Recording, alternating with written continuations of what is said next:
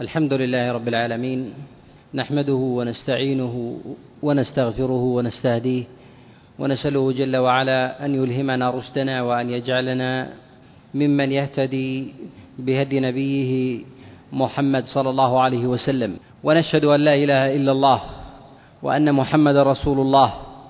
اللهم صل وسلم وبارك عليه وعلى آله وأصحابه ومن تبعهم بإحسان إلى يوم الدين. أما بعد فإن الله جل وعلا قد أنعم على هذه الأمة بنعم جليلة كثيرة وأجل هذه النعم أن خصها الله سبحانه وتعالى بهذا الدين العظيم وأرسل إليها نبيه محمدا صلى الله عليه وسلم وأنزل الله جل وعلا عليه كتابه العظيم تبيانا لكل شيء لا يأتيه الباطل من بين يديه ولا من خلفه.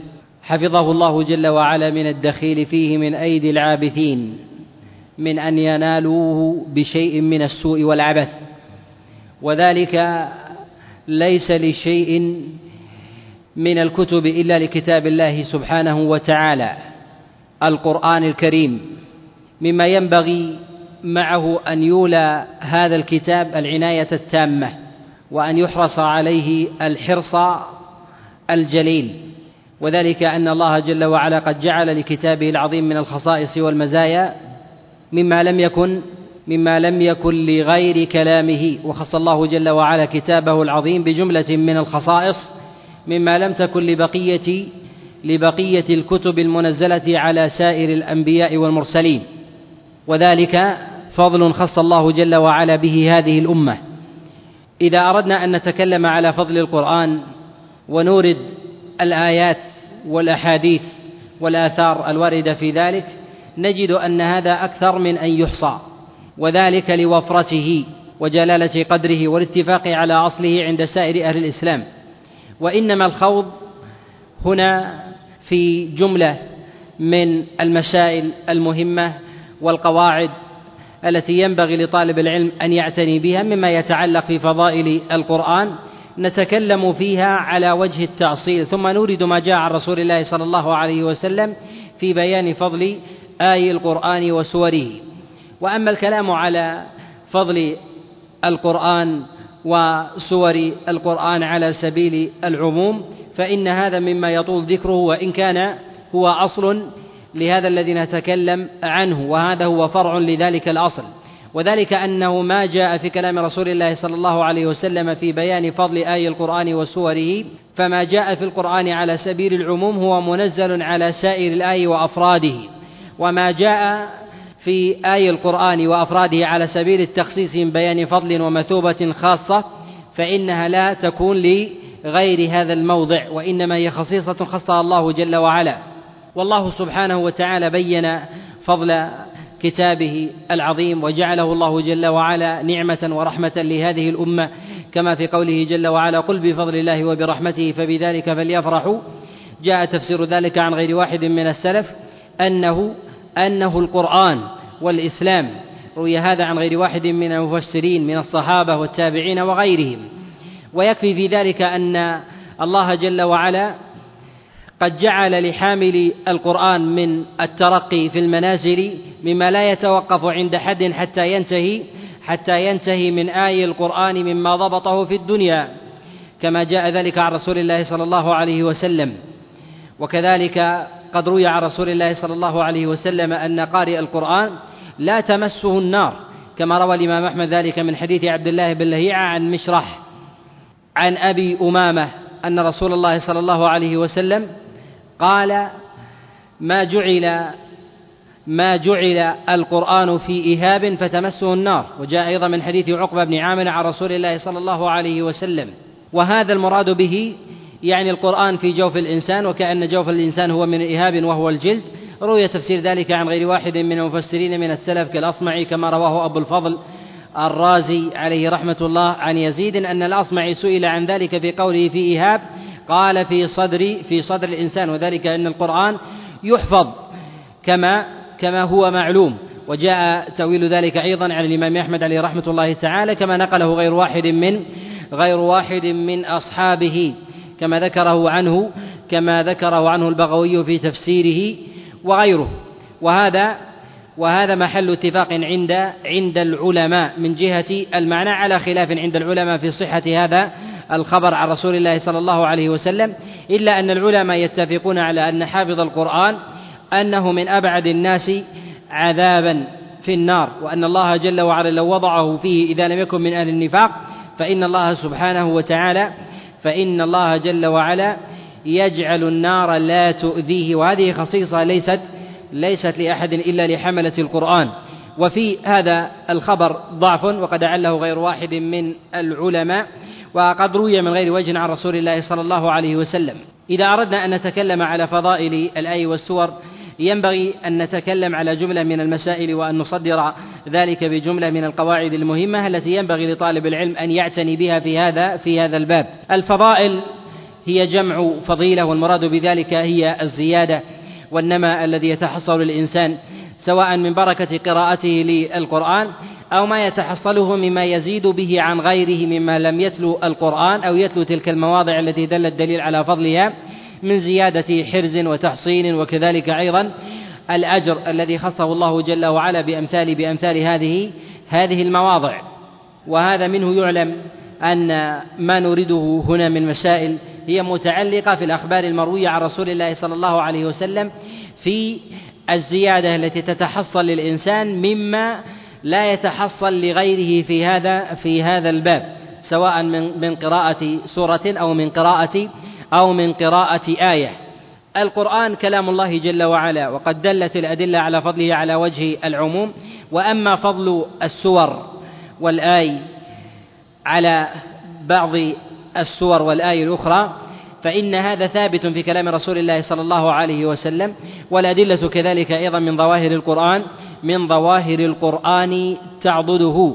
وهذا محل خلاف عند بعض العلماء منهم من قال بجواز تفضيل بعض الآية والسور على بعضها ومنهم من قال أن القرآن على السواء. وذكر بعض العلماء أن سبب هذا الخلاف إنما نشأ بعد المئتين وذلك أنه لما ظهر القول بخلق القرآن ظهر من أهل العلم والديانة من من ينفي ذلك القول. فلما استدل من قال بخلق القرآن قال أنه قد ثبت في السنة تفاضل القرآن ولا يتفاضل إلا المخلوق. ولو كان ذلك من صفات الله سبحانه وتعالى فإن صفات الله جل وعلا لا تتفاضل. وذلك أن أنها صفات لذات واحدة. فرد العلماء ذلك فجاء من بعضهم رد هذا التفاضل وقال أنه ليس المراد بذلك وهذا مروي عن غير واحد من مروي عن غير واحد من العلماء. ينسب هذا القول للإمام مالك عليه رحمة الله تعالى كما جاء في رواية يحيى بن يحيى أن الإمام مالك عليه رحمة الله قال تفضيل بعض القرآن على بعض من الخطأ وقال بهذا القول غير واحد من الفقهاء من المالكية كابن عبد البر وغيره وقال به أيضا بعض المتكلمين كأبي الحسن الأشعري والباقلاني وغيرهم. ونسب هذا القول لأنه أكثر أنه قول لأكثر العلماء وفي ذلك نظر. بل إن بعض العلماء قد نسب هذا القول للندرة والقلة وقال أن تفاضل الآي والسور هو محل إجماع واتفاق السلف. وهذا هو الأظهر أن السلف يتفقون على أن القرآن والسور تتفاضل. وذلك للأدلة الظاهرة عن رسول الله صلى الله عليه وسلم وذهب إلى هذا وذهب إلى هذا أكثر أكثر العلماء وهو قول السلف على على الاتفاق. ولا يعلم عن أحد منهم أنه نفاه إلا ما جاء من عموم عن الإمام مالك عليه رحمة الله تعالى بنفي التفاضل بين سور القرآن. ولعل مراد الإمام مالك عليه رحمة الله تعالى نفيه ذلك باعتبار المتكلم. وذلك أن إذا فضلنا القرآن على اعتبارات فإذا فضلنا القرآن سور القرآن على بعضها باعتبار المتكلم فإن المتكلم هو الله والله جل وعلا واحد سبحانه وتعالى. فلا يقال حينئذ بالتفاضل في مثل هذا. فجنس كلام الله جل وعلا من جهة من جهة ذاته واحد. وجعل الله جل وعلا له مجموع من الخصائص يشترك بعضها مع بعض. وخص الله جل وعلا بعضها ببعض من الخصائص مما ينفرد مما ينفرد عن الآخر. والتفاضل باعتبار آخر يحمل وذلك بالنظر إلى اعتبارات متنوعة. من هذه الاعتبارات اعتبار المعاني. فإن المعاني تتباين فما يتعلق بتوحيد الله سبحانه وتعالى بربوبيته وألوهيته وأسمائه وصفاته من جهة المعنى أولى بالعناية والنظر من غيرها. ولهذا يقال أن هذه المعاني التي يذكر فيها ذلك هي أولى بالنظر وعلى هذا يقال أنها أفضل من غيرها مع الاشتراك في الفضل. وهذا محل اتفاق عند عند أهل الإسلام. وبه نعلم أن الإنسان في أول دخوله للدين فإنه يجب عليه أن يتبصر بأمور بأمور توحيد الله سبحانه وتعالى. فلما كان كذلك كان يجب عليه عند ابتداء ذلك التعلم أن يبادر بتعلم آي آي العقائد. وهذا تفضيل لها عن غيرها بالبداءة. كذلك أيضا من جهة الأجر والثواب. والأجر والثواب مرده الدليل. وهذا نوع من الاعتبارات التي تتفاضل فيه الآي.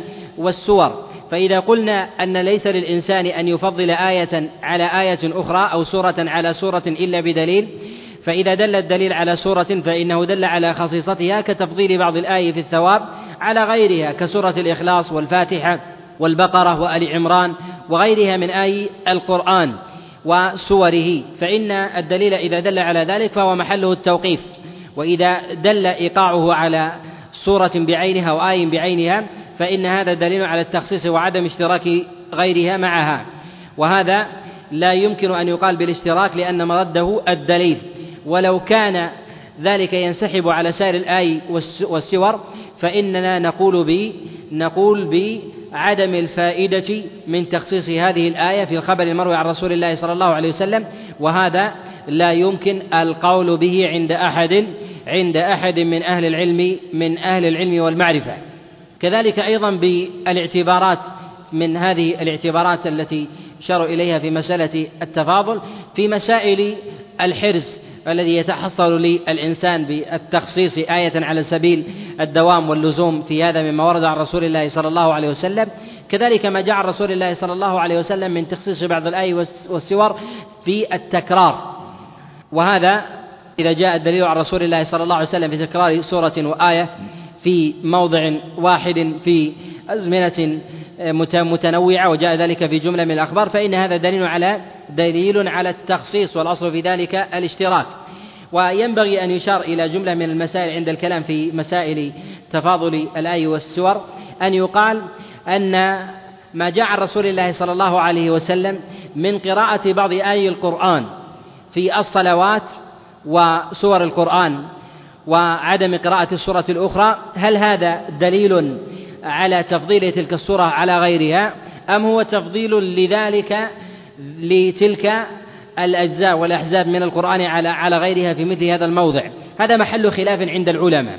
هل ما جاء رسول الله صلى الله عليه وسلم من قراءة سورة بعينها في صلاة الفجر أنه يشرع ذلك؟ أو في صلاة العشاء فإنه يشرع ذلك ويتقدم على غيرها. ذهب جماعة من العلماء إلى أن التفضيل لا يشمل ذات السورة وإنما يشمل الأحزاب التي هي هي فيها سواء كان ذلك من الطوال أو كان ذلك من المفصل من قصاره أو أواسطه إلى إلى ما هو معلوم من كلام العلماء في هذا الباب. ومن العلماء من قال أن هذا دليل على التفضيل ولكن لا يقال بالتفضيل إلا إذا دل دليل على التكرار. إذا دل دليل عن رسول الله صلى الله عليه وسلم على تكرار آية أو سورة في صلاة بعينها فإن هذا دليل على المشروعية وتقدم على غيرها ويكون هذا من أبواب ويكون هذا من أبواب الفضائل في مثل هذا في مثل هذا العمل. وإلا فالأصل أنه لا يقال بتخصيص ذلك لأن النبي عليه الصلاة والسلام في هذه الصلاة لا بد أن يقرأ.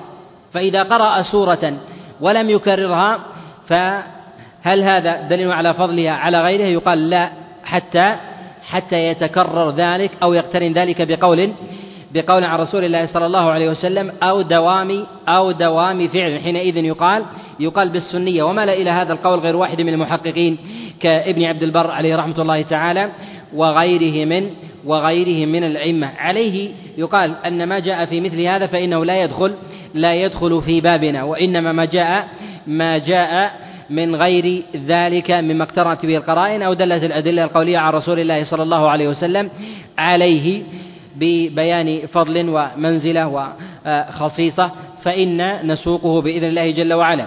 ومن القواعد والأصول المهمة أن يتفقه طالب العلم فيما يتعلق بمسائل رواية الأخبار عن رسول الله صلى الله عليه وسلم في أبواب الفضائل وكذلك الثواب والعقاب وكذلك أيضا ما يتعلق في أبواب تفسير القرآن والسير والمغازي.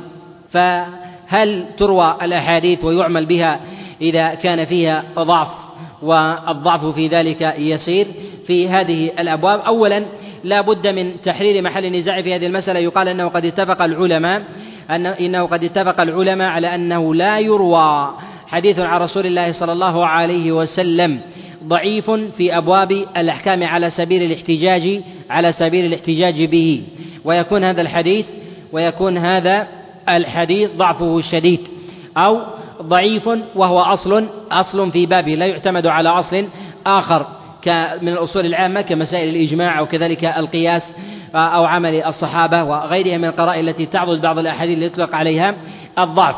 فإن الحديث إذا كان ضعيفا عن رسول الله صلى الله عليه وسلم لا يحتج به بالأحكام وهذا محل اتفاق عند العلماء ولا خلاف عند العلماء في ذلك إلا ما جاء في كلام بعض الفقهاء من المتأخرين من أهل الرأي.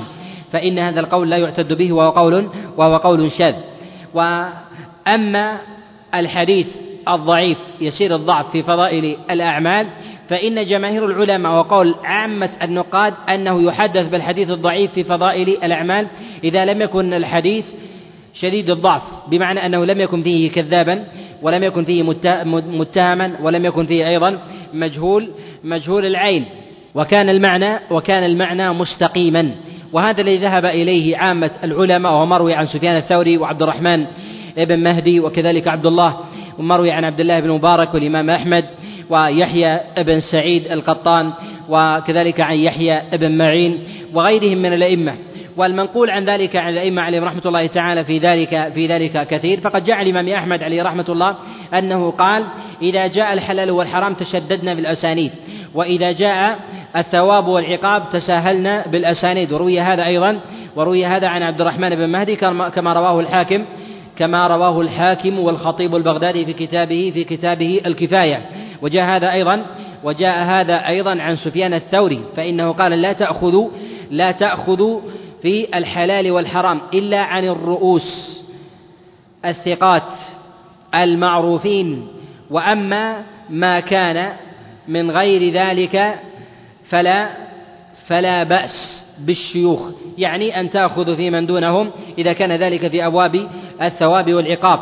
وأما ما جاء عن بعض العلماء من التشديد في ذلك وما نسب عن ليحيى ابن معين كما نسبه بسيد الناس عليه رحمة الله ففي هذه النسبة نظر. وذلك أن الأئمة عليهم رحمة الله في الرواية في أبواب فضائل الأعمال المروي عنهم في ذلك على على أنواع. إما بالنص كما جاء عن عبد الرحمن بن مهدي ويحيى بن سعيد وكذلك أيضا سفيان الثوري والإمام أحمد وغيرهم من الأئمة وإما ما جاء ما جاء بدلالة السياق وذلك أنهم إذا تكلموا على بعض الرواة الذين فيهم ضعف فإنهم يقولون لا بأس بالرواية عنه في فضائل الأعمال أو بالرواية في الرقاق.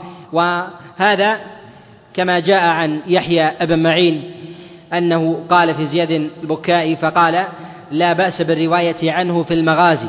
وكذلك أيضا عن موسى بن عبيدة أنه قال لا بأس بالرواية عنه في الرقاق يعني فضائل الأعمال. وجاء هذا عن الإمام أحمد عليه رحمة الله تعالى في كلام عن ابن إسحاق قال يكتب حديثه يكتب حديثه في المغازي.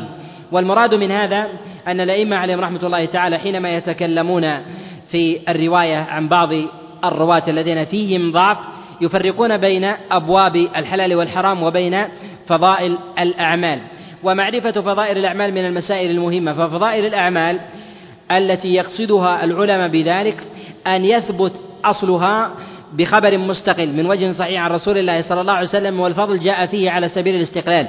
وبعض العلماء والعامة يظنون أن فضائل الأعمال أن فضائل الأعمال هي العبادات التي دل أصلها على وجه العموم ولو كان ذلك من ولو كان ذلك من غير تقييد بزمان أو مكان دل دل أصلها في الشريعة في خبر صحيح فإذا دل ثوابها ولو اقترن الثواب بزمان ومكان فإن هذا من أبواب فضائل الأعمال وهذا فيه نظر.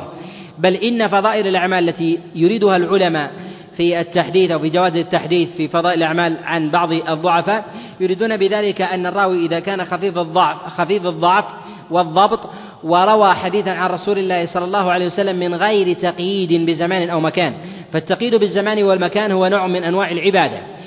ومثال ذلك إذا قلنا أن الصلاة صلاة ركعتين جاء فضلها في الشريعة في أحاديث كثيرة من الصلاة من الليل والنهار من غير تقييد. أما التقييد فجاء في عبادات مخصوصة فإذا جاء حديث ضعيف عن رسول الله صلى الله عليه وسلم بتقييد ركعتين في باب من الأبواب في مكان من الأمكنة وزمان من الأزمنة ولم يدل هذا الزمان والمكان إلا في هذا الحديث فيقال أن هذا الحديث ليس من فضائل ليس من فضائل الأعمال. وإنما فضائل الأعمال أن يكون الحديث ثبت بزمانه ومكانه أو إطلاقه في حديث مستقل وليس في هذا الحديث زيادة إلا الأجر في بيان الثواب. فحينئذ يقال لا حرج على الإنسان أن يحدث أن يحدث به. وبه نعلم أن التحديث بالرواية عن الضعفاء في فضائل الآي وسور القرآن من غير تقييد بزمان ومكان أن هذا جائز إذا كان الحديث يسير يسير الضعف وليس وليس شديد الضعف. وأما إذا كان فضائل الآي والسور مقيدة بزمان ومكان فإن هذا نقول ليس من فضائل الأعمال بل إنه من بل إنه من أحاديث الأحكام يشدد فيه باعتبار التقييد ومسائل هذه التقييد عبادة. وذلك أن الفضل إذا لم يقيد بزمان ومكان نقول إن أصله ثبت وهذا الحديث دل على الأجر فقط. لم يقيده بزمان ولا مكان. ينبغي أن يعرف هذا أن يعرف هذا أن يعرف هذا بقيده. العلماء عليهم رحمة الله اعتنوا بمسائل فضائل الأعمال والمروي عن رسول الله صلى الله عليه وسلم ذلك جمعا جمعا وعناية. واعتنوا كذلك أيضا بالمروي عن رسول الله صلى الله عليه وسلم في فضائل الآي والسور ورووا في ذلك جملة من الأخبار المرفوعة والموقوفة. على أصحاب رسول الله صلى الله عليه وسلم وجملة أيضا من بعض المقطوعات على بعض على بعض التابعين. والعمدة في هذا الباب هو المروي عن رسول الله صلى الله عليه وسلم وذلك أن هذا مرد وذلك وذلك أن مرد هذا إلى الوحي. وفي بيان فضائل الأعمال والأجور وكذلك أيضا الخصائص التي تكون في بعض الآي والسور من الرقى وكذلك فك السحر والحرز الذي يكون للإنسان فإن هذا مرده إلى الوحي. وأما ما جاء عن بعض الصحابة الذين الذين شهدوا رسول الله صلى الله عليه وسلم وسمعوا منه هل ما جاء عنهم من الموقوفات هي في حكم المرفوع؟ اولا قال بعض العلماء إن ما جاء عن بعض الصحابة في أبواب التفسير أنه من حكم المرفوع وهذا قال به الحاكم عليه رحمة الله في كتابه معرفة علوم الحديث وكذلك أيضا في كتابه المستدرك جعله في حكم المرفوع. وهذا وهذا قد يقال به إنه من باب من باب أولى وهذا وهذا محتمل. إلا أن الأولى أن يتوقف في ذلك على أن يتوقف في ذلك على المرفوع وهذا ما سنعتمده بإذن الله عز وجل في حديثنا في هذين المجلسين في إيراد ما جاء رسول الله صلى الله عليه وسلم في فضائل في فضائل الآي والسور. ما جاء في هذه المصنفات التي صنفها العلماء وهي كثيرة ينبغي النظر فيه وتمحيصه بالنظر إلى أسانيده وعدم الاتكال أو الوكالة على جلالة هؤلاء الأئمة باعتبار أن الدخيل في هذا الباب دخيل كثير جدا يعني في فضائل فضائل الآي والسور. بل إن أكثر ما جاء في فضائل الآي والسور هو من أبواب الحديث الضعيف الموضوع المطروح والحديث الأحاديث الصحيحة والحسنة ويسيرة الضعف هي أقل من الموضوعات في هذا الباب والمصنفات في هذا الباب هي مصنفات مصنفات آه، كثيرة. قد صنف في هذا الإمام الشافعي عليه رحمة الله له كتاب في هذا نسب إليه وهو منافع القرآن. وتلاه بعد ذلك أبو عبيد القاسم بن سلام وصنف في هذا أبو بكر بن أبي شيبة وكذلك أبو بكر بن أبي داود. وصنف آه، في هذا جماعة من العلماء كبعض المتأخرين كالإمام السيوطي عليه رحمة الله والمصنفات في هذا الباب لا تخلو أيضا لا تخلو أيضا من الضعيف والمطروح والمنكر. ولهذا ينبغي تأصيل هذه الطرق قبل الخوض فيها. ينبغي أن يعلم أن كتب التفسير المدونة التي تعتني بالرواية بتفسير القرآن بالأثر أو تفسير القرآن بالرأي. دخل فيها جملة من الدخيل من الأخبار عن المنسوبة لرسول الله صلى الله عليه وسلم وهي في عداد وهي في عداد الموضوع. المكذوب على رسول الله صلى الله عليه وسلم. فينبغي الاحتراز من ذلك. بل إن بعض التفاسير لا تخلو سورة من السور من حديث مكذوب عن رسول الله صلى الله عليه وسلم كتفسير الثعلبي وتفسير الواحدي وتفسير البيضاوي. وكذلك الزمخشري في كتابه الكشاف وغيرها من كتب التفسير. لا يخلو تخلو سورة من السور من من هذه الأحاديث الموضوعة التي ينبغي أن يحترز فيها. والإعتماد بما صح رسول الله صلى الله عليه وسلم به الكفاية والثابت عن ذلك في ذلك عن رسول الله صلى الله عليه وسلم إنما هو نزر إنما هو نزر يسير مقارنة بالأحاديث المروية عن رسول الله صلى الله عليه وسلم. من المهمات في معرفة الأحاديث المروية في فضائل القرآن أن يعلم أن ثمة نسخ تتداول في كتب التفسير هي موضوعة ونقلها أئمة أجلة ينسبون للعلم والفضل والديانة والصلاح. مكذوبة على رسول الله صلى الله عليه وسلم تذكر في كل سورة وهي نسخة واحدة موضوعة. ومن هذه الأحاديث المروي عن أبي بن كعب. فما جاء عن أبي بن كعب من الأحاديث المروية عن رسول الله صلى الله عليه وسلم في فضائل القرآن سور القرآن وآيه ممن لم يوجد في الكتب الستة فهو فهو ضعيف. وما يذكره المفسرون في هذا الباب فهو من أبواب الواهي الواهي والمنكر. وهذا يوجد عند كل سورة في تفسير الثعلبي في كتابه الكشاف البيان وكذلك أيضا في تفسير الواحد أخذه عنه وكذلك أيضا في تفسير في تفسير البيضاوي وكذلك أيضا في تفسير بعض المفسرين الذين يذكرونه في بعض الآي ويدعونه في بعض كتفسير ابن عطية وكذلك النسفي وكذلك ابن مردويه يذكرون هذه النسخة عن أبي بن كعب في فضائل السور. وهذا وهذا الأصل فيه الوضع. ثمة أحاديث في فضائل كل سورة رواها أو منسوبة لأبي بن كعب عن رسول الله صلى الله عليه وسلم هي نسخة موضوعة رواها عن أبي بن كعب ثلاثة عبد الله بن عباس وأبو أمامة وزر بن حبيش. جاء عن عبد الله بن عباس عليه رضوان الله تعالى بإسنادين الإسناد الأول يرويه أبو عصمة نوح بن أبي مريم عن زيد العمي عن أبي نضرة عن عبد الله بن عباس عن أبي بن كعب. والإسناد الثاني الذي يروى عن عبد الله بن عباس يأتي من حد طريق سعيد بن حفص عن معقل بن عبيد الله عن عكرمة بن خالد عن سعيد بن جبير عن عبد الله بن عباس عن أبي بن كعب. الطريق الثانية عن أبي بن كعب يرويها عنه أبو أبو أمامة والمروي عن أبي أمامة. في هذا يرويه يوسف بن عطية وسلام بن سليم عن هارون بن كثير عن زيد بن أسلم عن أبيه عن أبي أمامة عن أبي بن كعب عن رسول الله صلى الله عليه وسلم. الطريق الثالثة المروية عن أبي بن كعب في هذا الباب التي يرويها زر بن حبيش وما جاء عن زر بن حبيش هو يأتي من حديث من حديث عطاء بن أبي ميمونة وعلي بن زيد بن جدعان كلاهما عن زر بن حبيش عن أبي بن كعب عن رسول الله صلى الله عليه وسلم. ويرويه عن علي بن زيد بن جدعان وعطاء بن أبي ميمونة بزيع بن حسان أبو الخليل. تارة يرويه عن عطاء وعلي بن زيد بن جدعان مباشرة وتارة يجعل بينهما واسطة مخلد بن مخلد ابن عبد الواحد وكلاهما وكلاهما ممن لا يحتج به. وثمة طريق الرابع أيضا عن أبي بن كعب يرويه مؤمل ابن إسماعيل يرويه مؤمل بن إسماعيل عن سفيان الثوري عن أسلم المنقري عن عبد الله بن عبد الرحمن بن أبزة عن أبيه عن أبي بن كعب عن رسول الله صلى الله عليه وسلم وكلها ترجع إلى أبي بن كعب وهي وهي ضعيفة ومنكرة. ولا تخلو آية من آي القرآن إلا ويأتي فيها حديث عن أبي بن كعب. وهذا ينبغي أن يضبط يضبط هذا فإنه ييسر لطالب العلم قاعدة في هذا في أبواب الأحاديث المروية عن رسول الله صلى الله عليه وسلم في فضائل الآية فما جاء عن رسول الله صلى الله عليه وسلم في فضائل الآية عن أبي بن كعب فهذا من قرائن من قرائن الوضع. واختلف العلماء في من وضع هذه هذه النسخة. فقيل إن الذي وضعه هو ميسرة بن عبد رب كما ذكر ذلك عبد الرحمن بن مهدي فإنه قال قلت له هذه النسخة التي تحدث بها في فضائل كل سورة عن أبي بن كعب الذي وضعها قال وضعتها وضعتها أنا. وقيل أن الذي وضعها نوح بن أبي مريم فإنه سئل كما رواه الحاكم وكذلك ابن الجوزي وغيره قال هذه النسخة التي ترويها عن عكرمة عن عبد الله بن عباس في فضائل كل سورة.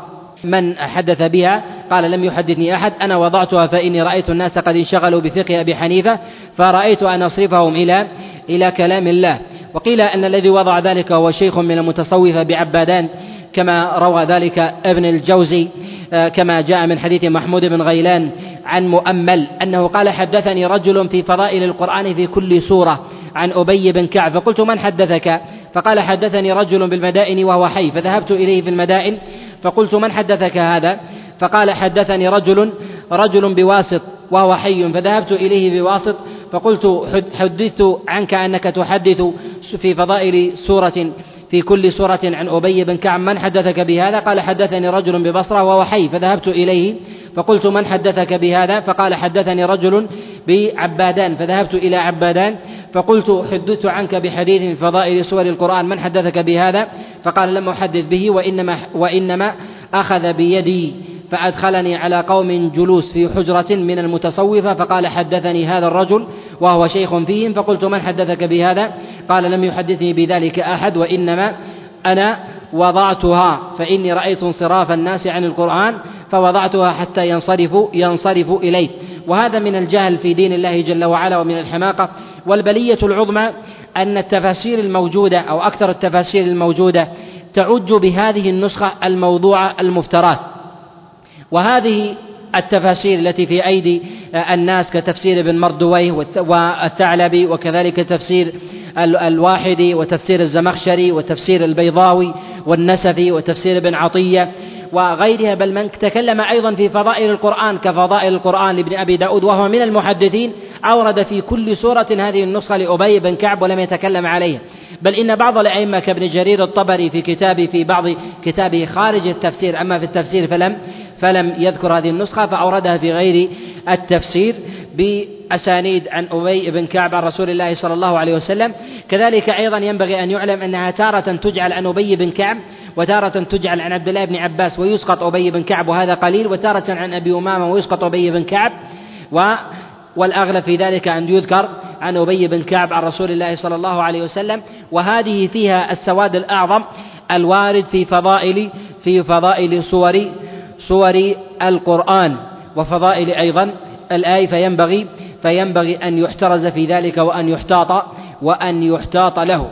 ومن المهم في هذا الباب أن يعتني طالب العلم بمعرفة الأسانيد الصحيحة وكذلك أيضا وجوه آه، الصحة في هذا. وألا يكون مقلدا في هذا في هذا الأمر فإننا نرى أثر هذه النسخ الموضوعة على كثير من الناس أو على كثير من الأقاليم.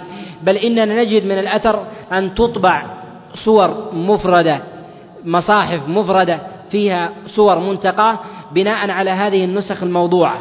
فيوجد مثلا الصور مصاحف مثلا الصور المنجية أو الصور الشافية ونحو ذلك.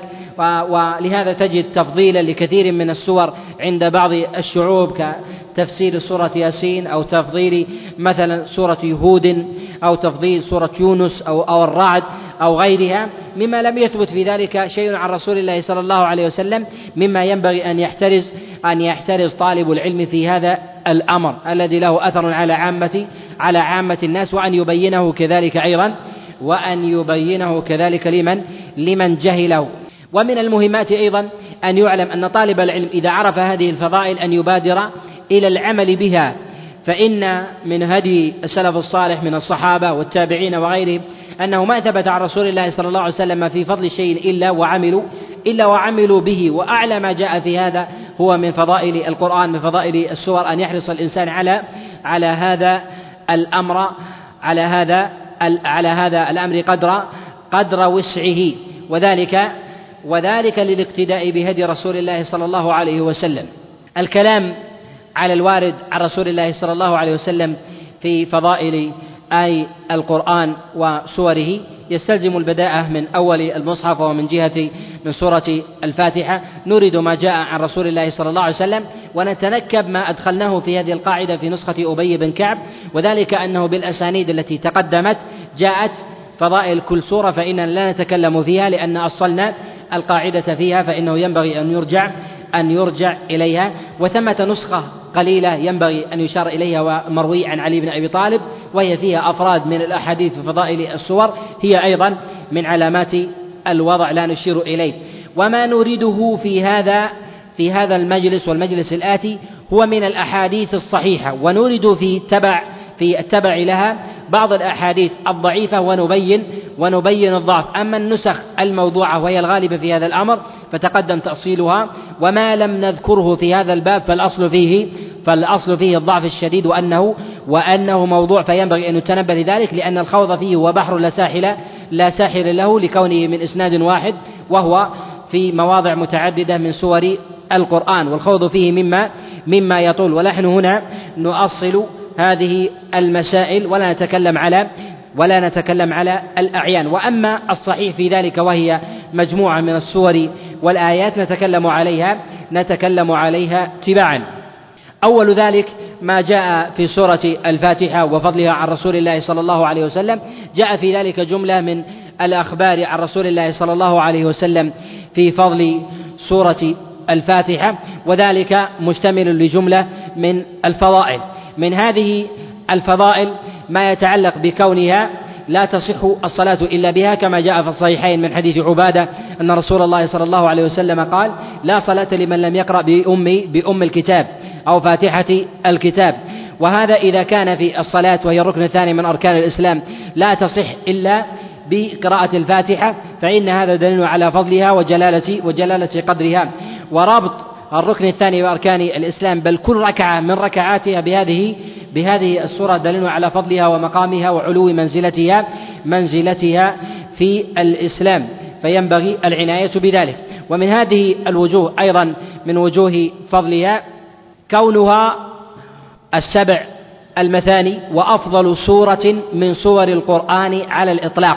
وذلك لما جاء في الصحيح من حديث أبي سعيد أن رسول الله صلى الله عليه وسلم أخذ بيد أبي بن كعب وهو في المسجد فقال ألا أحدثك بأعظم أفضل سورة في القرآن قبل أن تخرج من هذا المسجد؟ فقلت نعم يا رسول الله. قال فمشى برسول الله صلى الله عليه وسلم حتى دنا من الباب.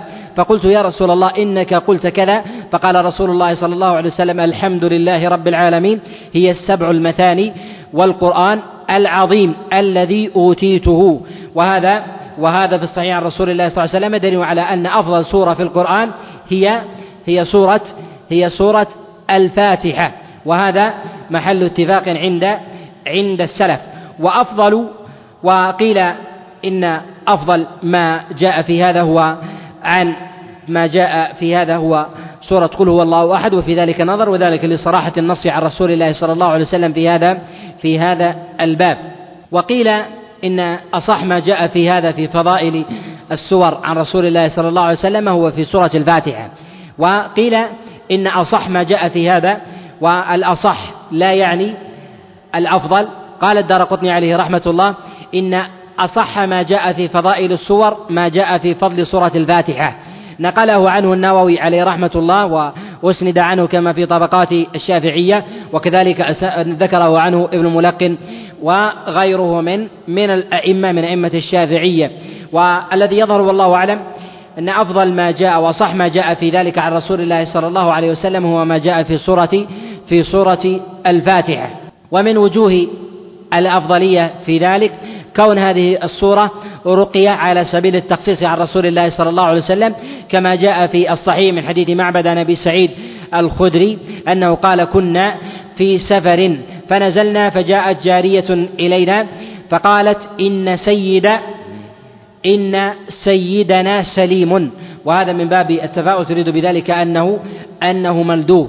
وإن سيدنا سليم والناس غيب يعني ليسوا بحضور فهل منكم من راق. قال فقام رجل منا يعني ولم نكن نعرفه برقية فذهب إليه فرقاه بفاتحة الكتاب فبرأ فأعطاه ثلاثين شاة. وفيه قال أتينا رسول الله صلى الله عليه وسلم فقال النبي عليه الصلاة والسلام وما يدريه أنها رقية خذوه واضربوا لي منه بسهم. فضربوا لرسول الله صلى الله عليه وسلم من ذلك بسهم وراد النبي عليه الصلاة والسلام من ذلك تطيب تطيب نفوسهم. ومن وجوه تفضيلها أيضا كونها نور أتاه الله جل وعلا نبيه عليه الصلاة والسلام من باب ونزل بخبرها ملك لم ينزل فيها إلى هذه الأرض إلا بهذه الفاتحة وكذلك فتح لها باب لم يفتح إلا مرة واحدة منذ أن خلقه الله جل وعلا. وهذا جاء عن رسول الله صلى الله عليه وسلم كما جاء في الصحيح من حديث عبد الله بن عباس قال بينما جبريل عند رسول الله صلى الله عليه وسلم إذ سمع صوتا فرفع رأسه إلى السماء فقال يا محمد هذا باب فتح من السماء لم يفتح إلا اليوم ونزل ملك لم ينزل إلى الأرض إلا اليوم. فقال أوتيت ببشارة بنورين آتاك الله جل وعلا إياهما لم يؤتهما نبي قبلك. الفاتحة وآخر آيتين من سورة من سورة البقرة. وهذا وهذا في الصحيح عن رسول الله صلى الله عليه وسلم. وجاء أيضا عند الترمذي عن رسول الله صلى الله عليه وسلم أنه قال والذي نفسي بيده ما أنزل في التوراة ولا في الإنجيل ولا في الزبور ولا في القرآن مثلها. يعني يعني فاتحة الكتاب.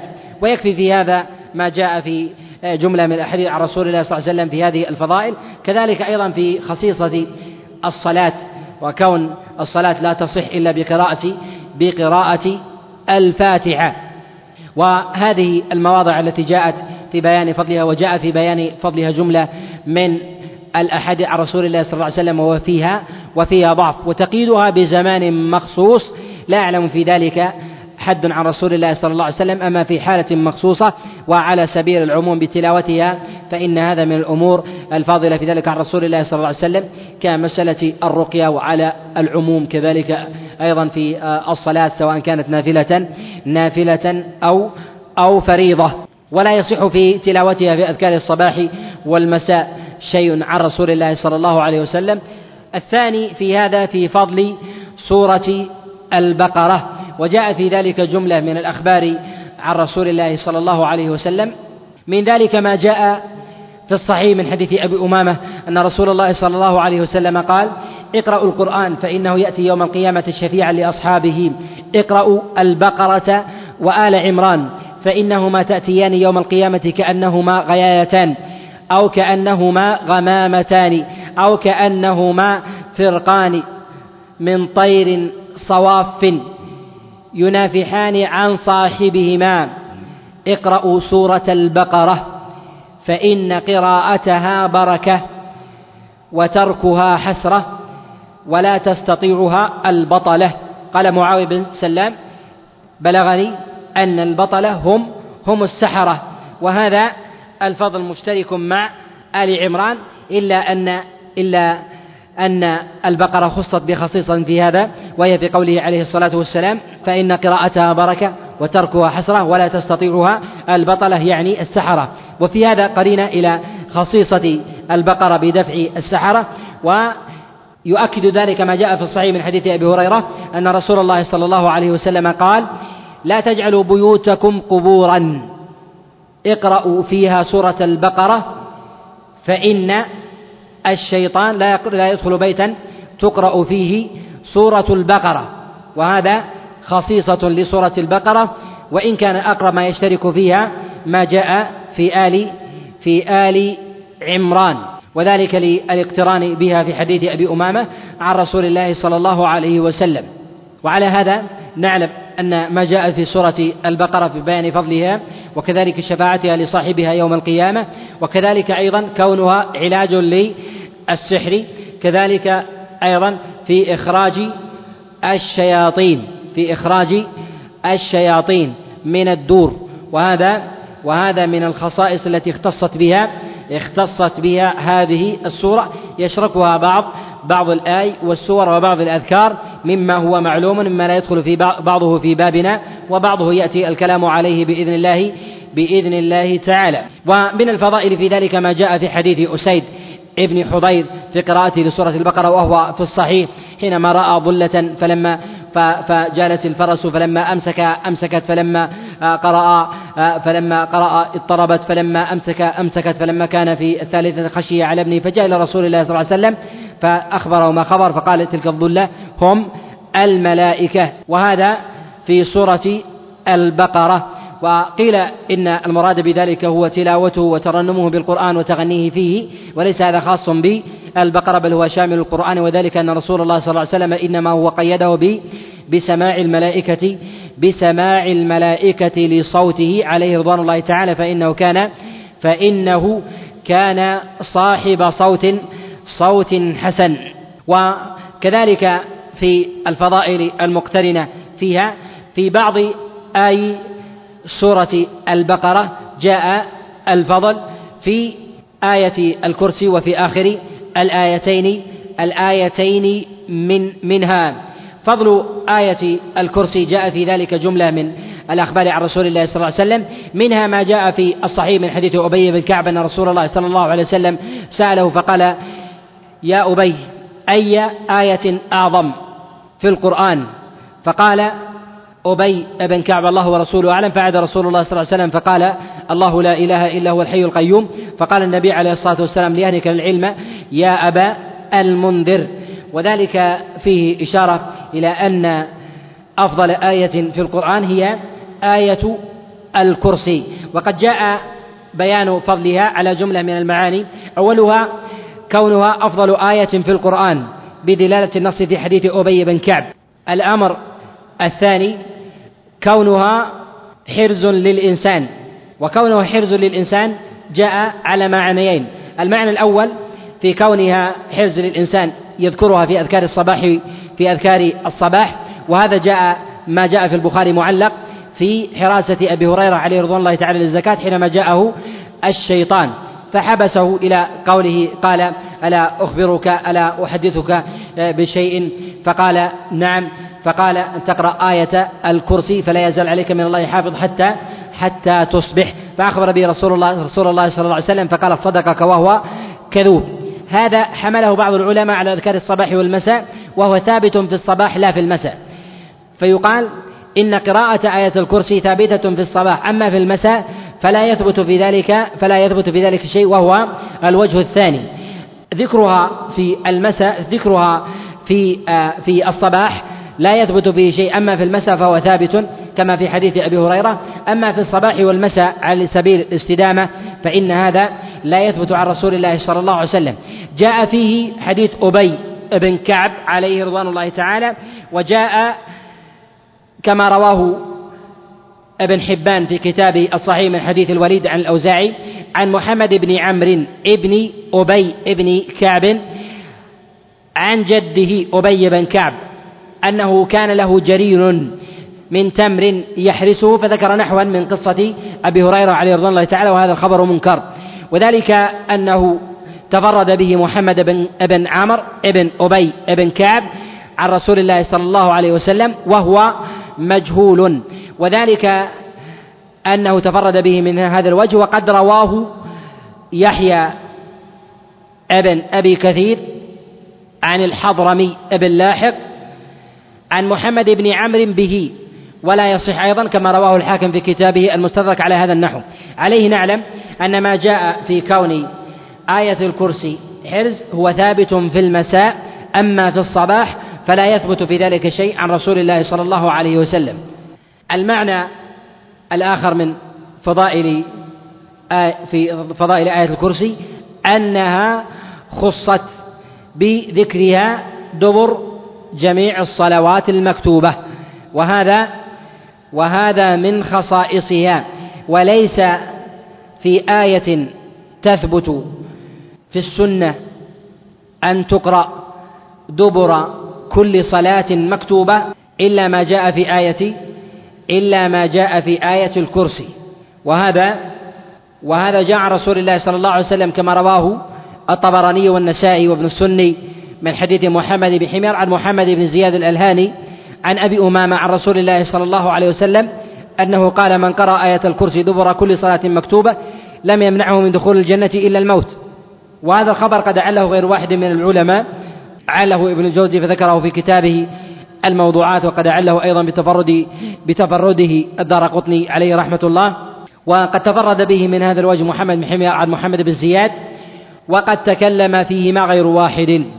ومحمد بن حمير الذي تفرد في هذا الحديث قد وثقه يحيى بن معين وقال النسائي ليس به بأس وقال الإمام أحمد لا أعلم إلا خيرا. وقد ضعفه قد ضاعفه بعض العلماء فقال ليس بقوي كيعقوب بن سفيان وكذلك قال بعدم الاحتجاج به بعض العلماء كأبي حاتم وغيره. وقد جاء من غير هذا الوجه عند الطبراني من حديث عبد ابن حسن ابن حسن عن أبيه عن جده عن رسول الله صلى الله عليه وسلم وهو إسناد ضعيف. وقد جاء من وجه آخر جاء عن رسول الله صلى الله عليه وسلم من حديث جابر بن عبد الله والمغيرة بن شعبة وأنس بن مالك وأبي مسعود وعلي بن أبي طالب ولا يصح منها شيء عن رسول الله صلى الله عليه وسلم. وأمثل ما جاء في ذلك هو عن أبي أمامة عن رسول الله صلى الله عليه وسلم وفي الخبر السابق وهو يدخل في أبواب وهو في أبواب التساهل. وقد صح هذا الخبر غير واحد من العلماء. وقد ضعفه شيخ الإسلام تيمية في موضع وصححه في موضع آخر. والمعتمد فيما يظهر من قوله أنه أنه يصحح كما نقل ذلك عنه ابن القيم وأنه لم يدع ذلك لم يدع ذلك مرة في كل صلاة في كل صلاة مكتوبة منذ منذ عرف ذلك يعني الفضل الوارد عن رسول الله صلى الله عليه وسلم. والأمر الثاني في مسألة فضائل آخر آيتين من سورة البقرة جاء فيها ما تقدم الكلام عليه من حديث عبد الله بن عباس عليه رضوان الله تعالى في النورين في النورين اللذين أنزل على رسول الله صلى الله عليه وسلم. كذلك أيضا فيما جاء عن رسول الله صلى الله عليه وسلم من قرأ آخر آيتين من سورة البقرة في ليلة كفتاه. والمراد بكفتاه قيل إن المراد بذلك كفتاه عن ورده من الليل. وقيل المراد بذلك كفتاه عن كفتاه من الشيطان أن يوسوس له وأن يأتيه. وقيل إنها كفتاه من الهم والغم. والشرور على سبيل العموم. وقيل إن المراد بذلك أنها تغني تغني عن سائر عن سائر ما اعتاده الإنسان من فضل كان يفعله في ليلة في حال في حال تركه له. وهذا لا يكون إلا لجلالتها.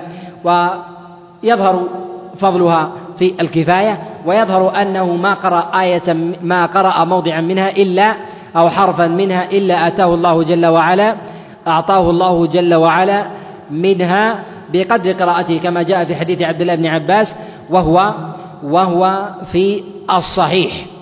وأما ما جاء في قراءة آية في قراءة آية الكرسي والآيتين من آخر سورة البقرة في الصباح والمساء فالوارد في ذلك عن رسول الله صلى الله عليه وسلم فيه ضعف كما تقدم الكلام عليه وإنما هو في آية الكرسي في الليل عند النوم. وأما آخر آيتين من سورة البقرة فإنها تقرأ في الليل لا تقرأ في المساء. وفرق بين المساء والليل وذلك أن المساء يبتدي نهارا. قيل أنه من بعد صلاة العصر وقيل أنه من بعد صلاة الظهر. والأرجح في ذلك أنه من بعد صلاة من بعد صلاة العصر. فيقرأها ليلا. ولهذا قال النبي عليه الصلاة والسلام من قرأها في ليلة كفتاه ومن قرأها قبل المغرب لم يكن قد قرأها ليلا. فيعلم أن قراءتها تكون تكون من الليل بعد صلاة بعد صلاة المغرب. وقراءتها بقصد الكفاية قبل ذلك لم يقع عليه لم يقع عليه النص إلا في حال في حال حاجة الإنسان إلى ذلك لغلبة نوم ونحو ذلك وحاجته مثل هذا. يريد أن يتعول الخبر فإن هذا فإن هذا محتمل. الأمر الثالث في فضائل السور فضائل سورة آل عمران وتقدم الكلام على ذلك كما جاء في حديث أبي أمامة من بيان فضلها في قول النبي عليه الصلاة والسلام اقرأوا البقرة وآل وآل عمران. وفي قول النبي عليه الصلاة والسلام فإنهما يأتيان يوم القيامة كأنهما غيايتان أو كأنهما غمامتان أو كأنهما فرقان من الطير صواف. وهذا في الصحيحين وخصيصة آل عمران عن رسول الله صلى الله عليه وسلم لا يثبت فيها لا يثبت فيها شيء بفضل زائد عن بفضل زائد عن سورة البقرة إلا في ذكرها في منتصف الليل في ذكرها منتصف الليل في حال القيام في منتصف الليل أو قبل منتصف الليل إذا كان الإنسان نائم ثم قام فإنه يقرأ يقرأ العشر آيات من من آخر سورة آل عمران. وذلك لما جاء في الصحيح من حديث عبد الله بن عباس. قال بت عند خالتي ميمونة عليها رضوان الله تعالى فنام رسول الله صلى الله عليه وسلم وزوجه في طول الوسادة فنمت في عرضها فقام رسول الله صلى الله عليه وسلم في نصف الليل أو قبله بقليل أو بعده بقليل فقرأ آخر عشر آيات من سورة آل عمران حتى حتى ختمها. وهذا وهذا خصيصة لها في مثل هذا الموضع. لهذا ينبغي الإنسان أن يحرص عليها أن يحرص عليها بقدرها. وأما ما يذكره بعض ما من يتكلم في فضائل القرآن في خصيصة ومزية تزيد عن فضل سورة البقرة لخصيصة آل عمران فإن ما ورد في ذلك عن رسول الله صلى الله عليه وسلم فإنه فإنه ضعيف. أو في عداد الموضوع والمنكر وقراءة البقرة وآل عمران لطرد السحر وكذلك لطرد الجان مما هو معلوم. وهو في سورة البقرة أظهر أظهر وأبين لجملة من الخصائص في ذلك منها ما تقدم الكلام عليه في قول النبي عليه الصلاة والسلام اقرأوا البقرة فإن قراءتها بركة وتركها حسرة ولا تستطيعها البطلة يعني السحرة وما جاء في حديث أبي هريرة عليه رضوان الله تعالى في قول النبي عليه الصلاة والسلام إن فإن الشيطان لا يدخل بيتا تقرأ فيه سورة سورة البقرة. وإذا قرأ الإنسان باعتبار الدلالة دلالة النص عن رسول الله صلى الله عليه وسلم في ذلك كما جاء في الحديث السابق فإن هذا فإن هذا ظاهر. نكتفي بهذا القدر. والأسبوع القادم بإذن الله عز وجل لكم ما جاء من الفضائل في سور القرآن وآية حتى نختمها في مجلس بإذن الله تعالى. نعم. يتساهل فيه من أبواب التحسين لا من أبواب العمل. وفرق بين تحسين الحديث لقراء احتفت به وبين العمل به. إذا تحقق لدينا أن الحديث ضعيف ولا يوجد قرينة تقويه. فننظر إذا كان في أبواب الأحكام نشدد. إذا كان في أبواب الفضائل نتساهل. أما في أبواب الحكم على الحديث يتساهل في التحسين ما لا يتساهل في أبواب الأحكام في التحسين لا في أبواب العلم فإذا وصلنا إلى هذه المرتبة قلنا قلنا بالعمل. ونحن نقول في آية الكرسي في فضائل الأعمال من أبواب التحسين لا من أبواب العمل. فنحن نحسنها لقرينة فضائل الأعمال باعتبار أن ما جاء في فضائل الأعمال لا يحمله الكبار. كشعبة بن الحجاج وابن عيينة كبار يروون الأحكام الثقيلة الكبيرة وما عداها من من الفضائل يرويها من دونها فتكون هذه قرينة على على تحسين الحديث. نعم. القراءة قراءة السور في بعض الصلوات لا يدخل هذا في أبواب الفضائل. لا يدخل هذا في أبواب في أبواب الفضائل. إلا ما كان على سبيل الاستدامة. إلا ما كان على سبيل الاستدامة. مثال قراءة سورة قاف على منبر الجمعة. قراءة النبي كان يقرأها. ما جاء نصا وفضل هذا من علامات من علامات فضائل سورة قاف. لماذا؟ لأن النبي كررها في مثل هذا الموضع. لكن لو جاء في خبر أن رجلا روى عن النبي عليه الصلاة والسلام أنه سمعه يقرأ سورة سورة البقرة في صلاة الفجر. هل هذا دليل على فضل هذه السورة على سبيل التخصيص؟ لا. من العلماء من يقول بذلك ولكن هذا لا يظهر على الصحيح. نعم. كيف؟ يقول هنا تشغيل التلفاز أو الإذاعة. في المنزل. هل يغني؟ نقول تشغيل التلفاز. والإذاعة لقراءة القرآن هو نافع لأشياء ولا ينفع لأشياء أخرى. نافع للاستذكار أن يستذكر الإنسان محفوظة تقويم لسان الصبية ترديد معه يفيد في التلقين. هذه أمور محمودة وغيرها مما يلحق به. من الأمور التي لا تفيد هو الحرز أن يظن الإنسان أن هذا حرز له ولبيته. لا. أن ينفعك المذياع والتلفاز وأنت معرض عن القرآن. ولو علقت القرآن في قلاده. على نحرك وأنت معرض عن الله ما نفعتك تلك القلادة. لأن المراد بذلك أن يقبل القلب. إذا أقبل القلب بكليته لله جل وعلا وتلفظ اللسان انتفع الإنسان نعم. حسن. تكرار البقرة للرقية للسحر حسن نعم. يقول إهداء الثواب. هذه مسألة من المسائل الخلافية في مسائل إهداء الثواب في قراءة القرآن. هل يصل الميت أم لا؟ الذي يظهر والله أعلم أنه لا يصل لأن هذه مردها التوقيف. ولا أعلم في ذلك خبر عن رسول الله صلى الله عليه وسلم يصح إلا بعض العمومات التي يستدل بها بعض الفقهاء. من الحنابلة والشافعية من أنها يصل والصواب أنه لا يصل إلا ما جاء في الخبر عن رسول الله صلى الله عليه وسلم إذا مات ابن آدم انقضى عمله إلا من ثلاث. علم ينتفع به صدقة جارية أو ولد صالح يدعو له. يدخل فيه الولد الصالح ذكر هنا للتغليب لأنه أغلب من يدعو لأبيه الولد على سبيل التغليب. لكن يدخل الجار الصديق الأخ الأب لابنه لو مات قبله الأم وغير ذلك يدخل إذا دعا له.